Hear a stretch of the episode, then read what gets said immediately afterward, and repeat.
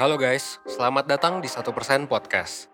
1% adalah startup life school terbesar di Indonesia yang berfokus pada isu kesehatan mental, pengembangan diri, dan edukasi life skill. So, basically 1% itu ngajarin gimana caranya agar lo bisa belajar dan berkembang menjadi lebih baik, seenggaknya 1% setiap harinya, menuju hidup seutuhnya. 1% Podcast adalah podcast yang ngebahas beragam hal menarik yang mengacu pada kurikulum 1%. Mulai dari fundamentals and basic skills, basic mental and physical problems, self-knowledge, relationship, karir dan produktivitas, filosofi, dan juga pop culture. Pada setiap subtopik yang ada, nantinya itu semua akan dibahas oleh hostnya masing-masing. Dan juga akan dibicarakan sama founder, mentor, psikolog, dan juga pakar yang expert dalam bidangnya. Lo semua bisa ngedengerin 1% podcast via Spotify, Google Podcast, Apple Podcast, YouTube, dan juga berbagai platform podcast lainnya. So, don't miss out and stay tune karena setiap harinya kita bakalan upload di jam 10 pagi. And that's all, enjoy 1% podcast.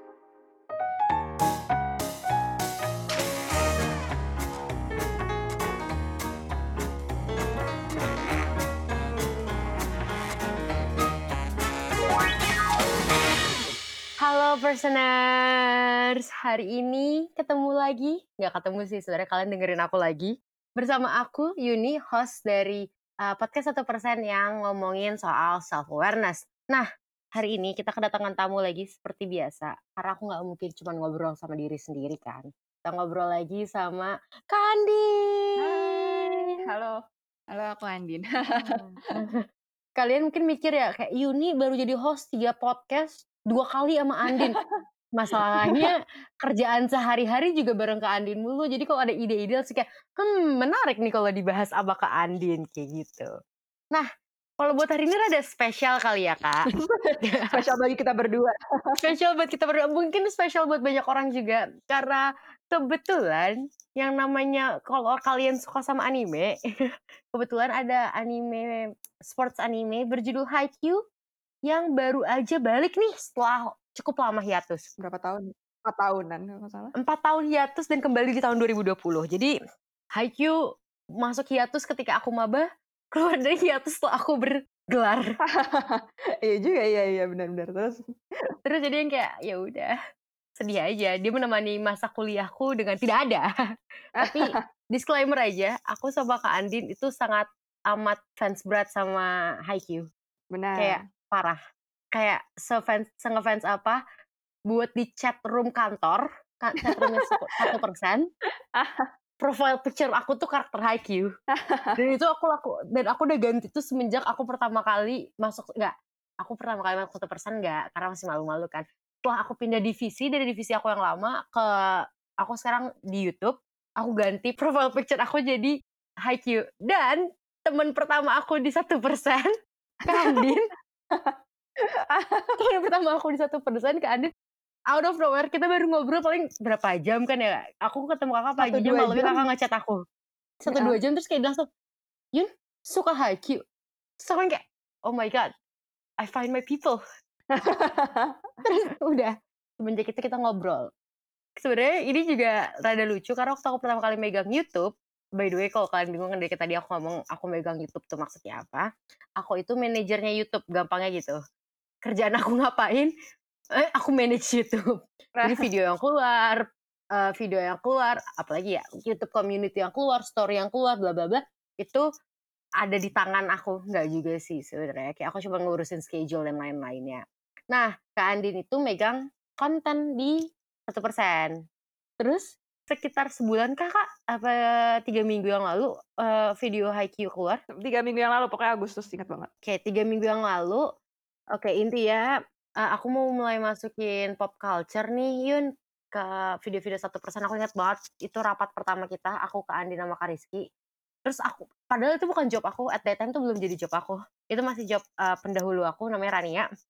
Terus Kandin langsung ngomong karena aku lagi training kan dari itu. Kandin kayak kakak kalau nggak salah langsung ngasih headphone sebelah ke aku nggak sih buat ikut ya, rapat? ya karena lagi lagi meeting. Nah lagi meeting buat ngomongin konten lagi meeting buat ngomongin konten terus lagi ngomong-ngomongin kira-kira apa ya yang seru dibahas terus ya Yuni sebagai Yuni asal nyeletuk aja lah ehm, kalau satu persen mau bawain tentang pop culture videonya boleh?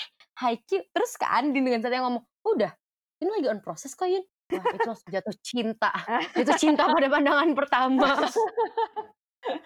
Itu perjuangan itu nggak perjuangan juga aku beneran waktu juga nge-pitch itu kayak kak aku mau rip nge-pitch gitu. Itu kan meeting konten itu aku mau nge-pitch dong gitu pop culture gitu. Oh apa pop culture Din? Haikyuu boleh nggak? Terus kayak hah? Haikyuu bagus kok kak bagus bagus coba aja pitch gitu. Terus ternyata beneran terus habis itu mau dihubungin sama apa gitu. Growth mindset itu kayak yang paling uh, uh, cukup aku pernah ngobrolin itu soalnya aku kebetulan juga sering ngobrolin kayak ginian terus kali oh yaudah yaudah bos aja dulu lah kita coba. Ternyata pas masuk masuk responnya baik semua jadi uh, oke okay, ye gitu Akhirnya. By the way, kayak buat spoiler aja, nggak spoiler sih.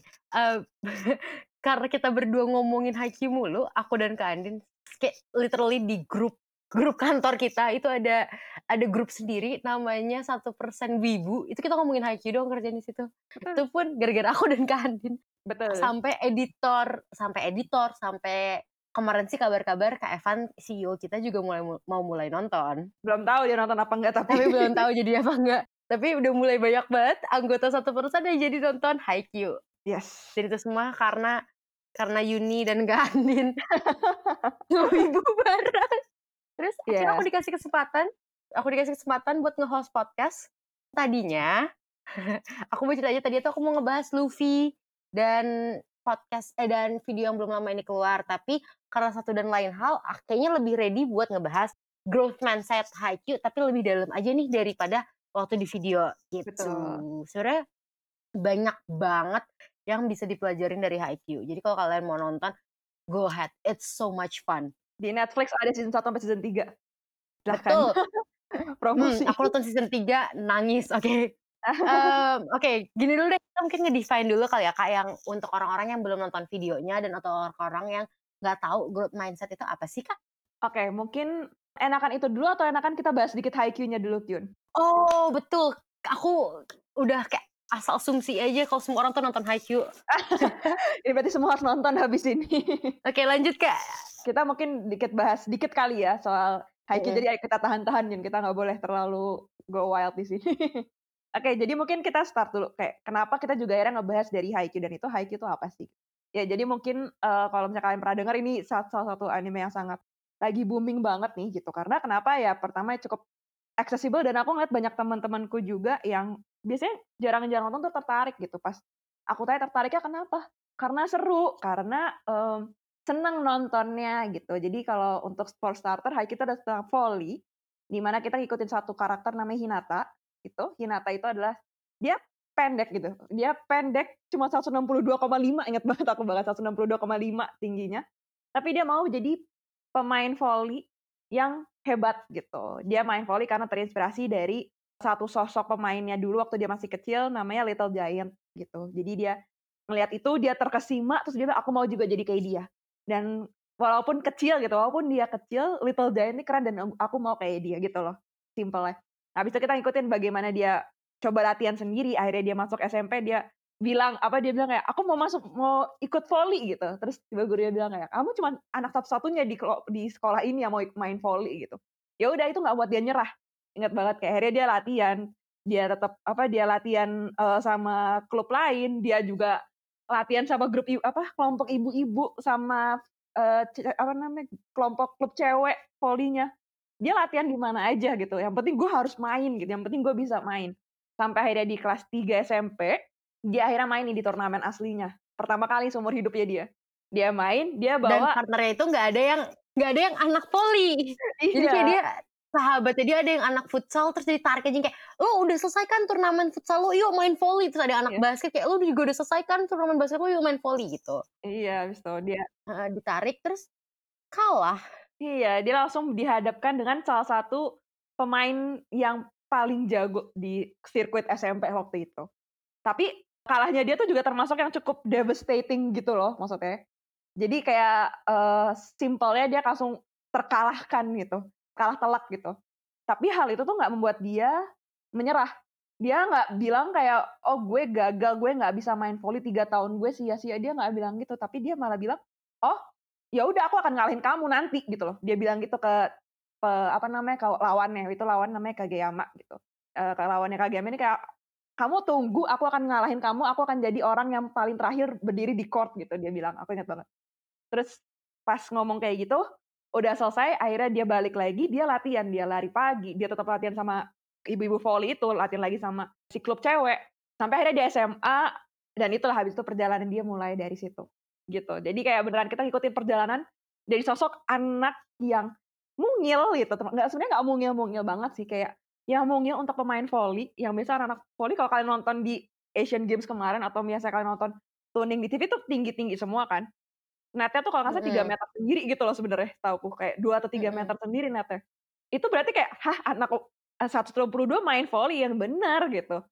Tapi ternyata ya dia melakukannya dan kita benar menyaksikan si kecil itu si Hinata ini akhirnya perlahan-lahan dia tumbuh gitu dia akhirnya benar berusaha untuk mencapai pemain volley menjadi pemain volley yang sebagaimana dia idam-idamkan si Little Giant ini gitu. Jadi ya dari ceritanya udah kelihatan kan bagaimana kayak kita diminta menyaksikan perkembangan seseorang gitu. Terus kayak bahkan tuh dia seusaha itu to the point dia tidur tuh bareng sama bola volinya. Jadi tuh dia iya, kayak gak lepas dari bola volinya hampir 24 per 7. Jadi dia bilang, oke okay, kalau gue berusaha dan gue akan maju, gue akan bareng sama bola voli gue terus-terusan. Kayak gitu. Jadi emang kayak dia berkembang lah. Kelihatan banget berkembangnya. Walaupun mungkin atwa dari dia kelas 3 terus ketika dia kelas 1 SMA nggak terlalu kelihatan nih perkembangannya tapi ada perkembangannya gitu dan dia nggak pantang menyerah Betul. gitu nah ini sequel yang bagus untuk loncat ke pertanyaan aku yang tadi. Kak, apa sih growth mindset itu? Oke. Okay. Uh, eh, singkat cerita mungkin teman-teman yang ada yang pernah kerja di perusahaan atau apa mungkin pernah sering dengar ya growth mindset dan frankly sebenarnya jujur waktu awal aku juga kayak hah apaan sih tuh growth mindset apa sih itu fixed mindset tapi setelah aku belajar setelah aku banyak belajar dan sebenarnya dari jujur dari HiQ ini aku benar akhirnya benar paham oh growth mindset tuh ini kenapa karena gini kalau growth mindset itu adalah pemikiran atau mindset di mana kamu merasa kalau hal-hal yang kamu miliki itu tuh bukan suatu hal yang fix, bukan suatu hal yang oh ya udah gitu. Kamu bisa berkembang dari situ, kepribadian kamu tuh bisa berkembang dari situ. Uh, semangat kamu, skill kamu itu tuh there's never end for that gitu loh. Kamu akan selalu berkembang dan kamu percaya itu kamu akan berkembang. Itu growth mindset. Jadi apa pun langkah-langkah kamu, kamu emang lakukan demi berkembang. Itu growth mindset. Nah, lawannya itu fixed mindset. Fixed mindset itu apa? Fixed mindset adalah ketika merasa kalau apa pun yang kita punya itu tuh ya udah segitu aja. Misalnya mungkin kalau kita coba pakai karakter yang simple aja, kita nggak usah bawa-bawa Haikyuu deh, kita pakai karakter biasa.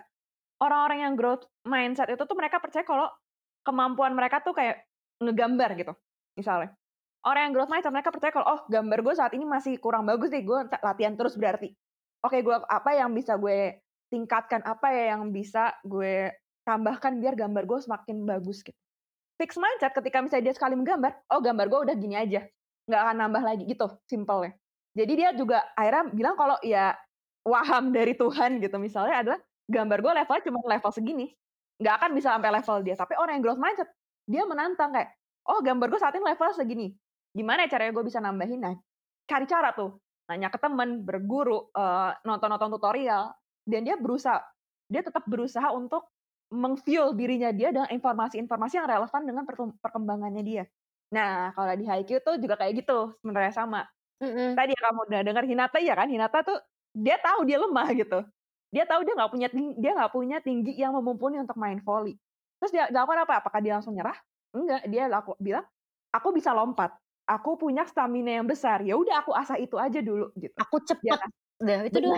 Aku cepet. Aku aku lincah gitu. Dia tahu Nah, ini ini bagian self awareness yang kalian perlu nyadarin adalah dia tahu kekurangan dia dan dia tahu kelebihan dia. Jadi dia nggak terlalu berlarut-larut juga dalam kesedihan. Iya, iya, yang waktu dia pertama kali main dan langsung kalah, ya sakit banget lah. Siapa yang bilang itu nggak sakit? Nggak akan ada yang bilang itu nggak sakit nggak sih kak? Hmm, Tapi at, at that time dia nyadar kayak, oh gue bisa growth kok, gue bisa berkembang kok. Dia nggak nggak kayak langsung nyerah gitu loh. Dia yang kayak oke okay, gue akan maju dan gue akan nyelesain ini dan eh gue akan menang dari lo one day gitu kan. Iya. jadi dia kalau bisa dilihat kayak ada keinginan untuk tumbuh dan ada ada keinginan untuk berkembang. Dia tahu kalau dia kurang dan dia tahu kalau dia punya kelebihan gitu loh. Jadi uh, dia nyadar dia aware tentang dirinya sendiri kalau nggak ada waktu dan nggak pantas buat dia terlalu berlarut-larut dalam kesedihan atau dalam kenegatifis kenegatifan karena dia waktunya lebih baik digunakan untuk berkembang untuk latihan sama dia. Nah itu bagian self awareness dari growth mindset dari HiQ yang pengen aku bahas. Mm -hmm. Nah tadi yang Kak Andin juga bilang kalau lo ada growth mindset itu ada fixed mindset. Kalau menurut aku ya kak, semua orang tuh pasti pernah ngerasain fixed mindset. Oh pasti sih, kita nggak semua dari awal pasti growth gitu loh. Pasti akan ada momen di mana kita fix gitu. Sebelum ada some, mungkin something happen, mungkin kalau bagi Yuni mungkin beda, mungkin bagi aku adalah oh ternyata uh, waktu itu aku apa ya yang benar aku percaya aku bisa tuh pas aku kuliah, aku akhirnya bisa nih ternyata mimpin organisasi dan aku jadi percaya diri gitu loh. Oh aku bisa, oh kegagalan kemarin tuh bukan kegagalan sebenarnya gitu. Aku atau tuh kegagalan bikin aku belajar. Nah itu aku merasa pikiranku mulai terbuka nih kalau oh uh, ya kalau misalnya aku gagal bukan berarti itu aku salah selamanya gitu. Kalau misalnya ada yang nge-feedback aku, aku bukan berarti uh, ngerasa aku diserang. Kalau misalnya aku nggak tahu ya aku cari tahu gitu. Mungkin bagi orang-orang beda. Kalau bagi aku ada waktu aku kuliah tuh aku beran uh, akhirnya merasakan kayak oh ini ya gimana caranya kita jadi terbuka kepada perkembangan diri kita sendiri. Hmm, kalau kalau aku pribadi Um, nggak segede itu sih, nggak segede yang kayak gue ngambil ngambil apa namanya jadi ketua organisasi atau apa. Aku nggak segede Kak Andin. Cuman semenjak kerja dan aku kan baru lulus juga tahun ini ya. Jadi kayak semenjak kerja aku ngerasain growth growth mindset aku tuh kerasa banget sepaling enggaknya semenjak kerja di satu persen. Uh, untuk kalian yang nggak tahu, mungkin tadi aku udah ngebahas dikit ya. Aku tuh tadi sebelum megang YouTube, aku ada di divisi baru divisi um, project namanya bukan project namanya itu kayak divisi project itu jadi begitu projectnya selesai anak-anaknya either kontraknya udah habis atau dipindah tempatkan gitu. Nah aku tuh dulu ada di project namanya kalau mungkin kalian pernah dengar atau pernah beli taku persen. Itu yang namanya aku belajar growth mindset ketika itu tuh parah banget karena aku baru lulus aku bahkan belum lulus aku belum lulus kuliah waktu aku keterima kerja di satu persen. Terus hari pertama kerja bener-bener hari pertama kerja dipanggil sama Kak Evan. Waktu itu aku masih wah aku di Australia bahkan kamu waktu itu? aku bahkan bukan belum tinggal di Indonesia aku masih tinggal di Australia karena kuliah aku dulu di Australia kan. Aku di kalau sama Kak Evan buat terus di briefing. Di briefingnya adalah aku kira aku bakal ditempatin salah satu project proyek eh produk satu persen yang udah ada kayak webinar atau apa. Tapi enggak aku ditempatin di produk baru yang bahkan gak ada konsep ya waktu itu. Terus Kak Evan ngomong dia bilang kalian ini anak-anak yang CV-nya bagus tapi gue nggak tahu mau naruh kalian di mana. Lah kan kena tuh ya CV gue udah bagus tapi nggak ada job buat gue. Kan sakit itu ya rada sakit at that time. Rada sakit kan terus aku udah yang kayak rada down terus kayak Evan ngejelasin. Terus akhirnya ya udah gue kumpulin aja tuh kalian berlima. Sekarang gue pengen lo berlima bikin produk baru. Waduh, waktu kalian tiga minggu. Nah, kalian bayangin, kalau kalian cari di internet, kalau kalian cari di internet, yang namanya bikin produk dari nol, dari ide, sampai ke produk jadi siap jual, itu tuh makan waktu 2 sampai tiga bulan. Tapi aku waktu itu diminta tiga minggu. Terus karena aku namanya juga masih anak sekolah ya, baru kayak masih semester terakhir kuliah belum lulus di negara orang aku tuh udah fix mindset banget gue nggak bakal bisa ini tuh cuman kayak ide gila ya kayak Evan dong gue nggak bakal bisa hmm. sampai akhirnya dicecer terusan lama kayak Evan tiap hari diajakin rapat tiap hari diteleponin kayak lu pasti bisa kalian tuh pasti bisa. Sampai akhirnya kayak ya udah deh. Awal tuh cuma gara-gara kayak ya udah deh pengen ngebuktiin dong nih ke Kak Evan. Tapi lama kelamaan aku akhirnya enjoy bikinnya juga sampai produknya jadi. Terus alhamdulillah setelah produknya jadi malah ditawarin kontrak kerja sama satu persen setelah internship aku selesai. Gitu. Tapi emang ada aja gitu loh yang kayak buat kalian. Kalau kalian mikir kayak aduh kapannya growth mindset gue tuh bla bla bla bla bla mungkin sekarang belum belum ada kali ya kejadian yang membuat kalian mikir oke okay, gue harus berkembang atau gue harus maju. Tapi akan ada kalau kalian mulai membuka pikiran. Iya. bener nggak kak? Benar akan ada lebih tepatnya mungkin kayak be open to any opportunities gitu jadi terbuka terhadap uh, apa ya sebutannya kayak kesempatan-kesempatan yang ada gitu. Soalnya karena ketika, ketika kita mengizinkan kita untuk membuka diri kayak kalau misalnya gue belajar ini gue bisa berkembang. Itu tuh udah termasuk salah satu bentuk kecil dari kalau kamu udah menanamkan growth mindset gitu loh. Kayak terbuka aja dengan segala hal yang ada saat ini. Nah, lanjut lagi nih kita bakal balik ke Haikyuu.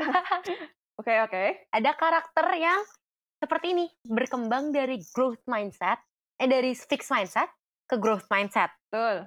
Siapa itu? Karakternya namanya profile picture aku di grup kantor, Tsukishima Kei. Iya. Eh, jadi untuk kalian yang nggak nonton Haikyuu tapi mau dengerin aku sama Kak Andin ngoceh, boleh banget. Jadi Suki itu adalah anak seumur Hinata yang tapi tinggi banget. Sedangkan Hinata kan pendek banget. Dia tinggi banget. Dia benar-benar kebalikan banget sama Hinata. Bahkan sampai namanya aja ini fun fact aja ya. Namanya aja Hinata artinya itu matahari. Suki artinya bulan. Jadi kayak mereka emang dibikin karakter tuh bertolak belakang banget gitu. Betul. Jadi kalau Hinata karakternya adalah kayak "Ah, gue mau berkembang walaupun gue kecil gue tahu kelemahan gue gue mau berkembang gitu kan. Kalau Suki gue mau main volley ya udah karena gue mau main aja sih. Kalau nggak berkembang juga nggak apa-apa. Kalau gue kalah juga nggak apa-apa. Betul. Dan gue yakin orang menang tuh karena talent bukan karena usaha. Dia awalnya mikirnya kayak gitu. Betul. Betul banget. Terus dia bener-bener yang kayak bodoh amatan. Padahal dia tuh pinter banget. Dan dia tuh punya bakat buat main volley. Dia tinggi dan dia pinter, dia observan. Tapi dia nggak menggunakan talent ini. Dia nggak nyadar dia punya talent dan dia nggak menggunakan talent ini untuk berkembang nih di eh, gamenya dia. Sampai suatu ketika dia ikut training camp sama sekolahnya sama Hinata juga. Terus dia ketemu sama lawan-lawannya dari sekolah-sekolah besar lainnya yang jago dan bekerja keras. Mm-mm. Udah jago kerja keras lagi gitu kan. Iya, kayak lu tuh udah jago ngapain sih lo kerja keras kayak ya dan kalian tuh aku yakin banget ada momen-momen kalian di mana mikirin kayak udah ngapain sih lo udah jago juga udah lah, ngapain kerja keras gitu kan. Nah Suki tuh Hmm. juga berpikiran gitu kenapa lawannya dia ini udah jago dan masih bekerja keras? Mereka tuh sampai latihan malam-malam. Sampai one day dia nanya lah sama lawannya setelah dia latihan kenapa lo udah jago? Kenapa lo masih bekerja keras? Kenapa ini penting banget buat lo? It's just a game. Dia bahkan apa yang ngomong gitu kayak ini tuh cuma game ini cuma klub. Nggak nggak penting-penting banget gitu kan. Terus lawannya cuma ngomong kayak emang apa sih yang lebih gede daripada rasa ingin menang? Apa sih yang lebih gede dari pride? Apa sih yang lebih gede itu terus kayak Suki nggak bisa jawab tuh at that time sampai akhirnya dia mikir gini eh sampai lawannya bilang gini "Em, mungkin lo nggak bisa jawab sekarang sampai lo ketemu the moment gitu kan Betul itu. The moment sampai lo ketemu the moment the moment lo jatuh cinta sama volley-volley itu. Nah. itu lainnya. cinta sama volleyball nah ini yang tadi aku sama Kak Andin ngomongin the moment buat kalian tuh kapan sih kalian pengen rasanya berkembang gitu Cari mulai terbuka aja sesimpel kayak mulai terbuka dengan the idea gitu dengan ide kalau misalnya kamu akan berkembang gitu. Terbuka dengan ide itu aja dan gimana cara mencari kan eh, kalau lanjutin dari Yuni tadi akhirnya eh, si Tsukishima ini akhirnya terbuka dengan oh gue bakal dapat momen itu ya gitu. Akhirnya dari situ dia mulai aktif gitu. Dia mulai nyusun strategi, dia mulai nyari cara gimana cara dia bisa mengembangkan di skillnya dia gitu. Dan gimana hasilnya Yun? dan hasilnya dia salah satu MVP buat game salah satu big game gitu yang membawa sekolahnya Hinata dan Tsukishima ini ke nasional. Jadi memang apa ya kayak mungkin orang-orang dulu kayak berarti gue harus menemukan sesuatu apa enggak bahkan di terbuka dengan ide kalau lo akan mendapatkan kes- momen di mana lo akan merasakan kepuasan karena lo berkembang itu udah cukup banget sebenarnya untuk memacu kita kayak oh berarti gue bisa mencapai itu oke gue akan berusaha se- sepenuh mungkin gitu loh gue akan kita akan Mm-mm. kita mencoba untuk menjadi diri kita yang lebih baik gitu itu udah oke banget sebenarnya itu udah growth mindset gitu Bahkan at one point Suki tuh nggak nggak tiba-tiba abis dia ngobrol sama seniornya ini dia langsung kayak udah deh gue nyari moment. No dia cuman kayak mulai dari ketika gurunya atau pelatihnya nyuruh dia partisipasi dia udah ya udah ya udah gue ikut nggak nggak males-malesan lagi. Udah sekedar itu aja. Sekedar yang kayak kak coba Suki ngeblok. Udah dia ngeblok tanpa males-malesan lagi.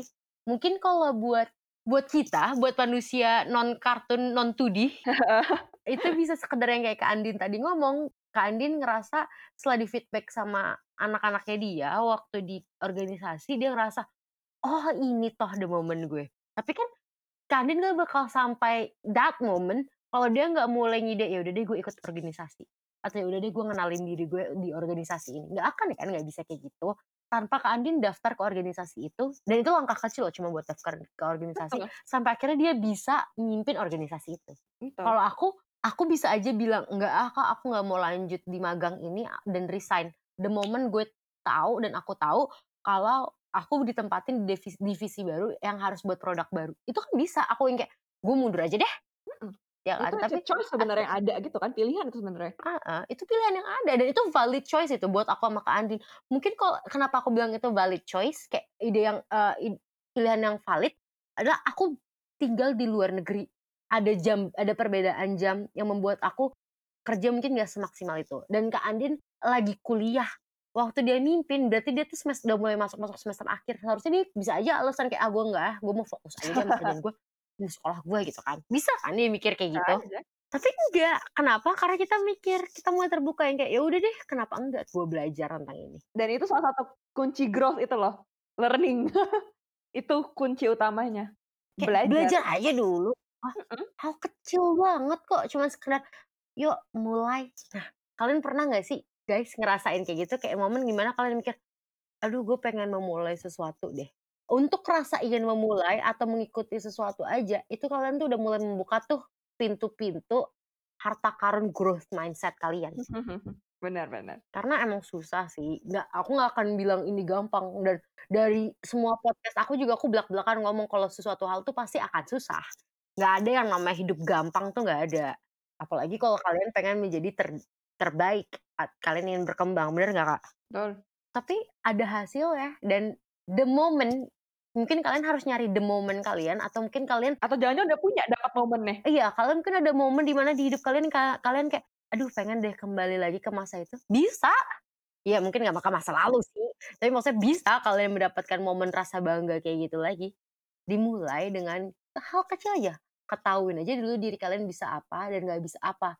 Setelah tahu, mungkin bikin list, ada yang bikin list, terus dia berkembang dari situ, atau ada yang bisa langsung nyari kerjaan yang berhubungan sama itu dia biar, biar dia bisa belajar Hmm. atau banyak sih caranya.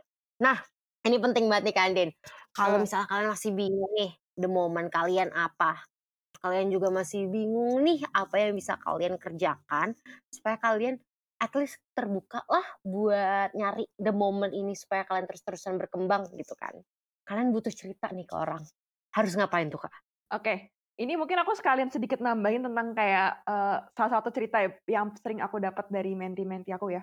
Kadang-kadang tuh ada yang gini, mungkin nggak tahu Yuni ngerasain atau juga atau personas ngerasain. Ketika kita tahu kelemahan kita, oh gue lemah di sini, kita tuh malu ngakuinnya.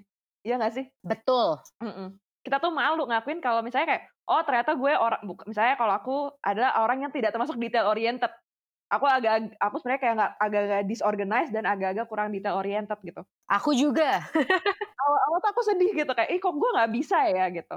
Kok ini ya, oh kok gitu itu selamanya gitu. Tapi sekarang jadi sadar kayak, oh itu emang kelemahan aku saat ini gitu dan aku saat ini aku emang berusaha untuk memperbaikinya gitu. Jadi lebih ke arah mengakui kalau kita punya kelemahan itu tuh bukan suatu hal yang memalukan gitu.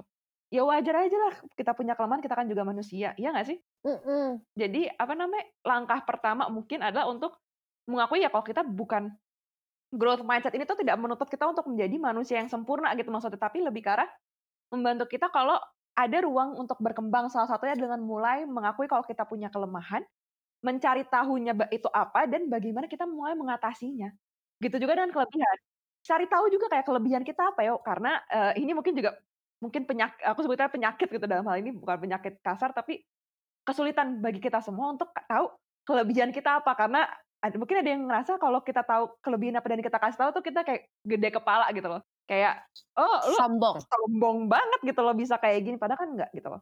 Padahal kita perlu tahu juga kelebihan kita tuh apa. Buat apa ya? Buat tahu nih. Oh oke misalnya gini. Oh aku ternyata kalau aku sendiri aku ternyata jago untuk ngebuat konten gitu. Dan hal ini aku jago untuk mikirin ide gitu aku jago aku lumayan jago buat nulis gitu. Ya udah itu kelebihan aku gitu. Dan aku merasa kalau itu kelebihan aku dan aku tetap niat untuk mengasahnya gitu. Jadi ya admitting that you have faults atau kamu punya kelemahan dan pahami juga kelebihan kamu apa itu adalah salah satu bentuk untuk memulai membuka diri terhadap perkembang apa terhadap kemampuan kamu untuk berkembang gitu. Nah tadi salah satunya adalah mungkin ketika kita nulis dan ketika kita mikir sendiri itu mungkin susah untuk kita cari tahu kayak kelemahan gue apa ya, kelebihan gue apa ya gitu. Banyak momen di mana kayak gitu dan mungkin jujur aku dulu termasuk orang yang nggak tahu juga kayak emang iya kelebihan aku apa ya, kelemahanku tuh apa ya gitu. Nah, salah satu caranya yang bisa kalian lakukan nih mumpung kita di sini ada satu persen adalah gimana nggak coba untuk uh, ke mentoring ke, ke, atau nggak bisa konsultasi Betul. bersama mentor. Karena kalau konsultasi bersama mentor sini kalian bisa nih untuk bercerita kepada mentor-mentor jago kita. Itu kata apa sih yang sedang saat ini kalian khawatirkan gitu. Kalian nggak tahu kelemahan kalian. Kalian tidak tahu kelebihan kalian. Itu bisa juga dibantu gali nih oleh teman-teman mentor gitu. Oke, mulai deh kita sebut pelan-pelan kayak gimana cara menggalinya gitu. Um, kamu bisa buat ada pakai apa tuh sebutannya? Johari Windows salah satunya itu. Ada juga berapa worksheet-worksheet lainnya, ada self knowledge worksheet juga yang bisa kalian dapatkan melalui konsultasi bersama mentor satu persen ini. Berbagai hal yang bisa kalian gunakan untuk memulai membuka diri kalian terhadap kemungkinan kalian akan berkembang dari mentor konsultasi bersama mentor satu persen gitu sih. Jadi ya apa namanya mungkin kalau kita balikin lagi ke Haikyuu ya Haikyuu tidak di sana tidak ada mentor sebenarnya tapi menurutku tetap meng, apa ya tetap tetap apa ya mungkin bukan menakjubkan meragukan bagi aku sendiri kalau saya oh ada orang yang seperti Hinata yang dia tetap berkembang sejauh mungkin gitu dan dia tidak apa ya ya pokoknya gue harus berkembang gue harus bisa makin jago gue harus makin jago. Itu tuh sebuah mindset yang aku harap aku juga sendiri bisa semakin mengembangkannya karena itu amazing banget sih. Makanya aku sama beberapa temanku oke okay. kalau tadi kak kak Adin bilang soal Haikyuu mungkin di Haikyuu Hinata emang udah punya growth mindset dari sana. Tapi at the same time ada momen di mana Hinata hampir mau nyerah nggak nyerah sih. Kayak udah down banget dan bingung mau naik lagi loh kak. Iya. Ada di momen di mana gurunya Hinata itu ngomong kalau kalian tuh harus bangga ngerasain kalah karena kalian tahu berarti kalian tahu kalian punya ruang untuk berkembang Nah, apa yang dilakukan sama gurunya Hinata ini sebenarnya basically apa yang dilakukan sama mentor-mentor di satu persen.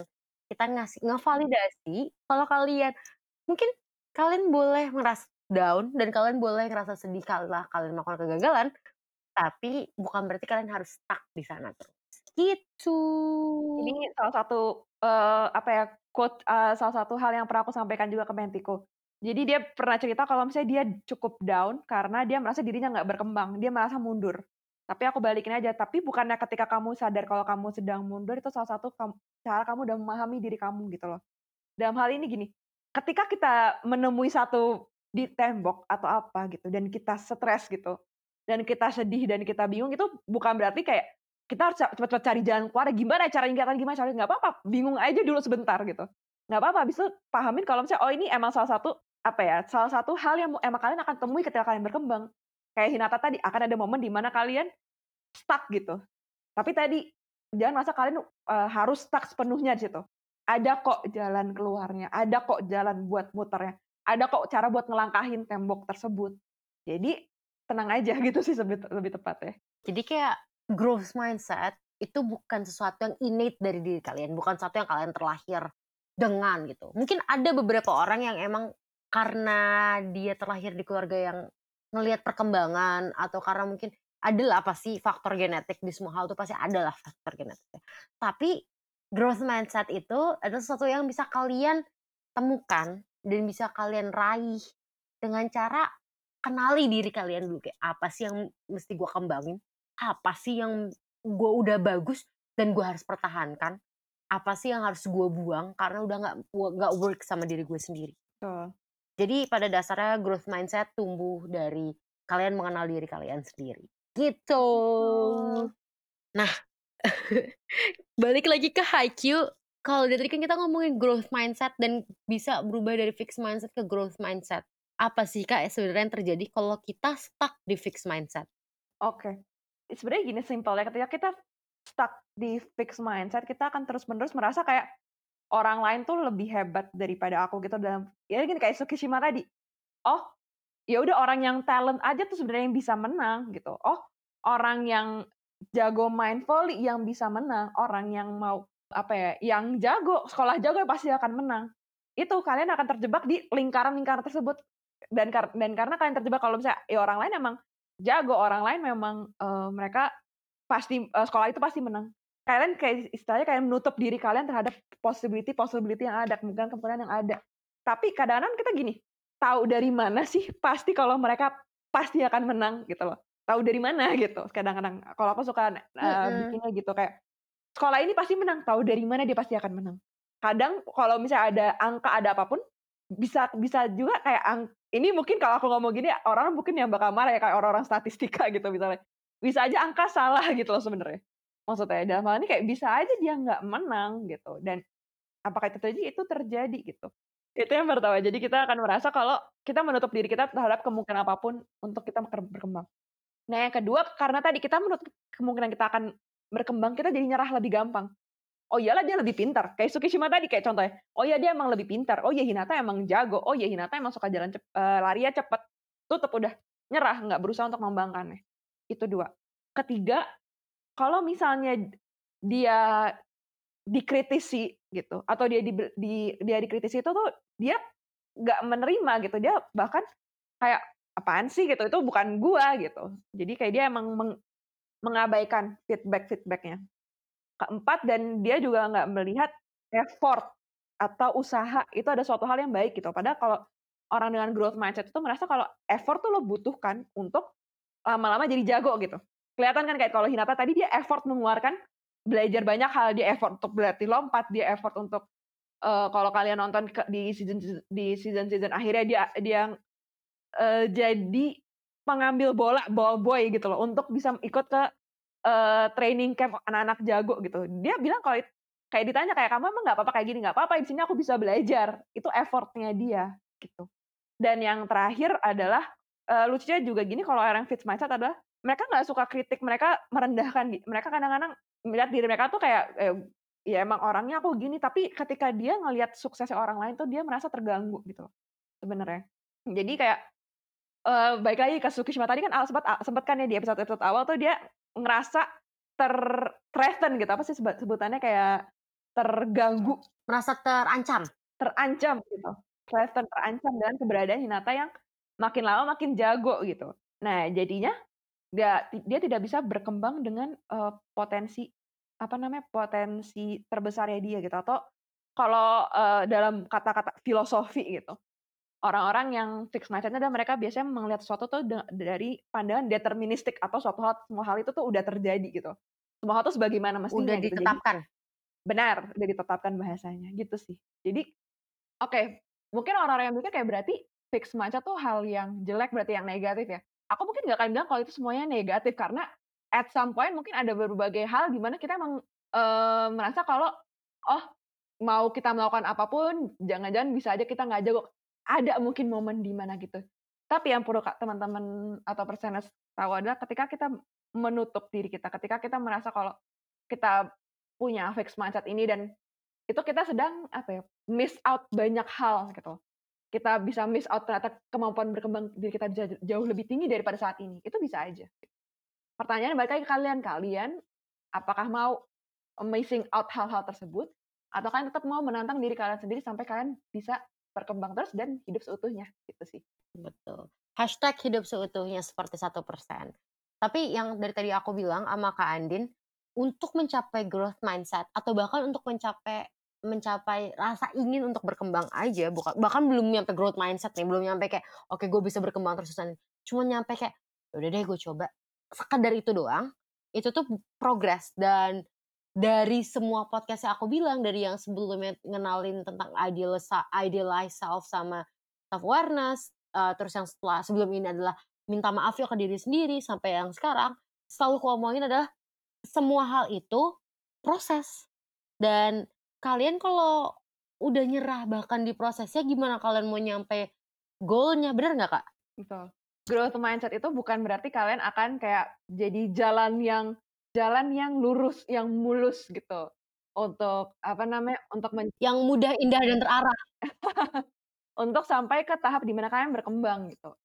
Ini mungkin salah satu quote juga yang aku baru kemarin temui setelah aku bikin artikel gitu adalah ada satu momen salah satu coach yaitu bilang ke satu karakter kayak jalan kamu untuk berkembang ini adalah jalan yang cukup susah tapi baik lagi kamu kamu mau apa tapi itu akan memberikan kamu sebuah kepuasan yang bagi kamu yang suka volley adalah itu suatu hal yang tidak tar, yang tidak ada tara gitu maksudnya itu emang amazing feeling gitu kamu mau atau enggak gitu itu aku ingat banget kayak aku waktu lihat kayak oke okay, emang the path jalan untuk mengembangkan diri kita tuh emang pasti nggak akan sejalan mulus itu. Tapi balik lagi kita emang mau atau enggak sih? Gitu. Coba deh kalian ingat-ingat momen di mana di hidup kalian kalian mikir, ah gue tuh pengen nyerah, gue capek banget. Tapi kalian tiba-tiba keinget gitu, end goal kalian mungkin akan lebih indah atau lebih menyenangkan daripada sekarang. Terus kalian memutuskan untuk berkembang. Kalian memutuskan untuk kayak yaudah deh gue coba. Susah kan? Susah banget kan untuk keluar dari rasa nyerahnya kalian untuk sampai sini. Tapi itu tuh langkah pertama kalian untuk menuju growth mindset, untuk menuju end goal kalian. Gitu. Pasti pernah. Aku yakin 1000% pasti semua orang pernah ngerasain ini. Kecuali mungkin kalian baru lahir. kalau kalian baru lahir, mungkin kayak kalau kalian baru umur 3 tahun atau 2 tahun, baru lahir, mungkin nggak ada kayak gitu. Ah, bahkan anak bayi aja ada loh. Coba kalian ingat-ingat deh waktu kalian bayi, nggak mungkin kalian ingat waktu bayi. Maksudnya coba kalian kalau yang punya adik atau punya kakak, nggak mungkin juga kalau ngeliat kakak. Maksudnya kalian yang punya adik, ngeliat deh. Apa sih ada momen di mana adik kalian berusaha jalan, berusaha jalan, jatuh, terus nangis, terus apakah adik kalian stop untuk belajar jalan? Enggak kan, dia mikir, oh mungkin kalau gue jalan langsung langkah kakinya dua-duanya dimajuin, gue akan jatuh. Mereka belajar untuk ngangkain satu-satu. Kayak gitu. That's growth mindset. That's a start gitu. Jadi um, pada dasarnya untuk podcast hari ini hanya ingin mengingatkan kepada kalian, coba deh kenalin diri sendiri lagi. Beratus-ratus kali akan aku bahas. Coba deh kenalin diri kalian sendiri lagi. Apa kelebihan kalian, apa kekurangan kalian, dan di mana kalian akan bisa berkembang. Setelah itu, keputusan kalian ingin berkembang atau pengen stuck aja di sini.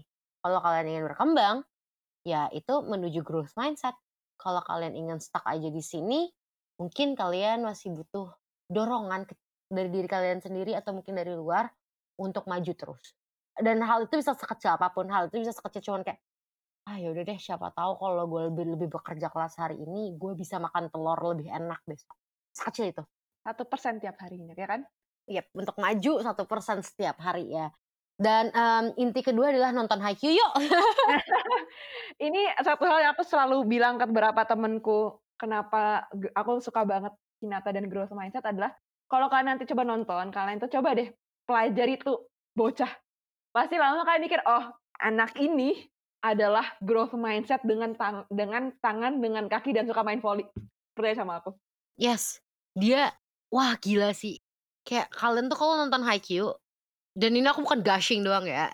Kayak kalian kalau nonton Haikyuu at one moment, at one point selama kalian nonton, kalian akan mikir kayak, mikir kayak aduh gue pengen deh melakukan sesuatu Kayak gue tuh pengen deh ngelakuin sesuatu. And it doesn't have to be volleyball gitu loh. Kayak waktu aku nonton Haikyuu, eh, yang tadi aku ceritain aku nonton Haikyuu mulai waktu SMA sampai sekarang. Sampai sekarang belum kelar bahkan. Udah kelar komiknya. Komiknya udah kelar, komiknya udah aku nangis kita. Tapi waktu aku SMA, eh waktu aku kuliah, aku ingat banget aku lagi down banget sama satu mata kuliah. Terus aku nonton season 3 Haikyuu, Pokoknya di season 3 Haikyuu terjadi suatu hal yang sangat positif yang membuat aku yang lagi down sama kelas, lagi capek, lagi bener-bener burn out banget sama kelas karena aku kuliah tuh double degree guys. Jadi dua tahun di Indonesia, dua tahun di luar. Dua tahun aku di Indonesia itu bener-bener empat tahun mata kuliah dijadiin dalam dua tahun. Jadi tuh padat banget kan. Aku tuh udah yang kayak udah gak mau ah gue udah gue mau nyerah aja, gue capek gitu kan. Terus nonton satu episode dan anda episode tuh buat aku kayak Oke nih bocah aja bisa kayak gini, nih bocah aja bisa berkembang, masa gue nggak bisa sih? Hal sekecil dorongan nonton satu episode anime yang kalian suka, itu bisa menumbuhkan rasa ingin berkembang. Bahkan mungkin it doesn't have to be anime gitu loh buat kalian. Itu bisa kayak ngobrol sama adik kalian. Bisa baca buku kesukaan kalian. Bisa, apalagi ya kak, aku nggak bisa mikir. Banyak hal sebenarnya. Banyak banget. Gitu. Mungkin mungkin um, ngobrol sama orang yang punya visi dan misi yang mirip sama kalian. Hmm. Itu penting banget tuh. Jadi sekali lagi aku ingetin kepada kalian semua, growth mindset itu bisa ditumbuhkan asal kamu ada kemauan untuk berkembang nah. Hmm, paling enggaknya satu persen aja setiap harinya. Yuk kita berkembang seperti Hinata. yes. Berkembang juga kayak account satu persen kita yang berkembang satu persen setiap harinya mungkin lebih, tapi tetap berkembang. Benar sekali. Kalau mungkin ada momen di mana kalian butuh waktu untuk istirahat boleh, tapi jangan lupa aja kalau kalian tuh on progress to, to be something great, to be the best version of yourself. Dan kalau kalian butuh bantuan, kalian butuh cerita ke orang, duh kak, kayak gue nggak bisa deh. Gue udah stuck di sini aja. Coba deh, datang ke satu persen.net, scroll, scroll, scroll, terus klik di layanan konsultasi dengan mentor. Di situ kalian bakal dapat banyak banget kak, ya kan? Dapat interpretasi psikologi tes, Hmm. dapat ngobrol sama mentor profesional di satu persen yang emang udah terlatih Hmm. terus dapat worksheet terus wah banyak deh pokoknya menyenangkan hingga menyenangkan sih maksudnya kayak membantu insya Allah Hmm. semoga gitu Amin. amin oke udah mau sejam nih kita ngobrol tentang Hinata dan Haikyuu dan aku dan Kak Andin akan meminta maaf jika podcast hari ini episode ini rada ngalor ngidul terlalu semangat Tapi tenang aja, kita beran ber- se- serius itu untuk merekomendasi gitu loh. Seserius itu. Iya, Nonton Serius aja. itu buat rekomendasi. Heeh. Kalau kalian nonton Haikyuu, terus mungkin kalian bisa nge-tweet gitu ya di Twitter at mention at satu persen official. Boleh. Heeh, mention kayak, eh aku mulai nonton Haikyuu gara-gara Kak Andin dan Kak Yuni nyuruh nonton Haikyuu di podcast. Benar kali. Tapi itu yang paling penting adalah kalian mungkin harus belajar untuk mengenal diri agar kalian bisa berkembang. Ada lagi kah yang mau kakak tambahin? Tidak. Kita aku tadi mengakhiri dengan ayo kita berkembang bersama Hinata gitu. Ayo kita berkembang bersama Hinata gitu. By the way, kalau ini kan bakal diupload di YouTube juga dan akan diupload di Spotify juga nih podcastnya. Kalau kalian pengen kayak ngerekomendasi sesuatu yang seru buat kita atau kalian pengen kak pengen deh mungkin ngebahas apa dengan dengan topik ini gitu kan. Mungkin kalian Hmm. komen aja langsung di YouTube-nya dan bisa aja langsung komen mungkin di Instagram juga. Betul. Kita akan bisa untuk mendengarkan. Siap. Makasih banget personal sudah mau dengerin aku dan Kak Andin hari ini. Eh, jangan lupa kita berharap dengan mendengarkan podcast hari ini kita bisa berkembang maju terus. Paling gaknya satu persen setiap harinya. Aku Yuni dan satu persen dan Aku Andin. kita dadah dulu. Dadah. Dadah.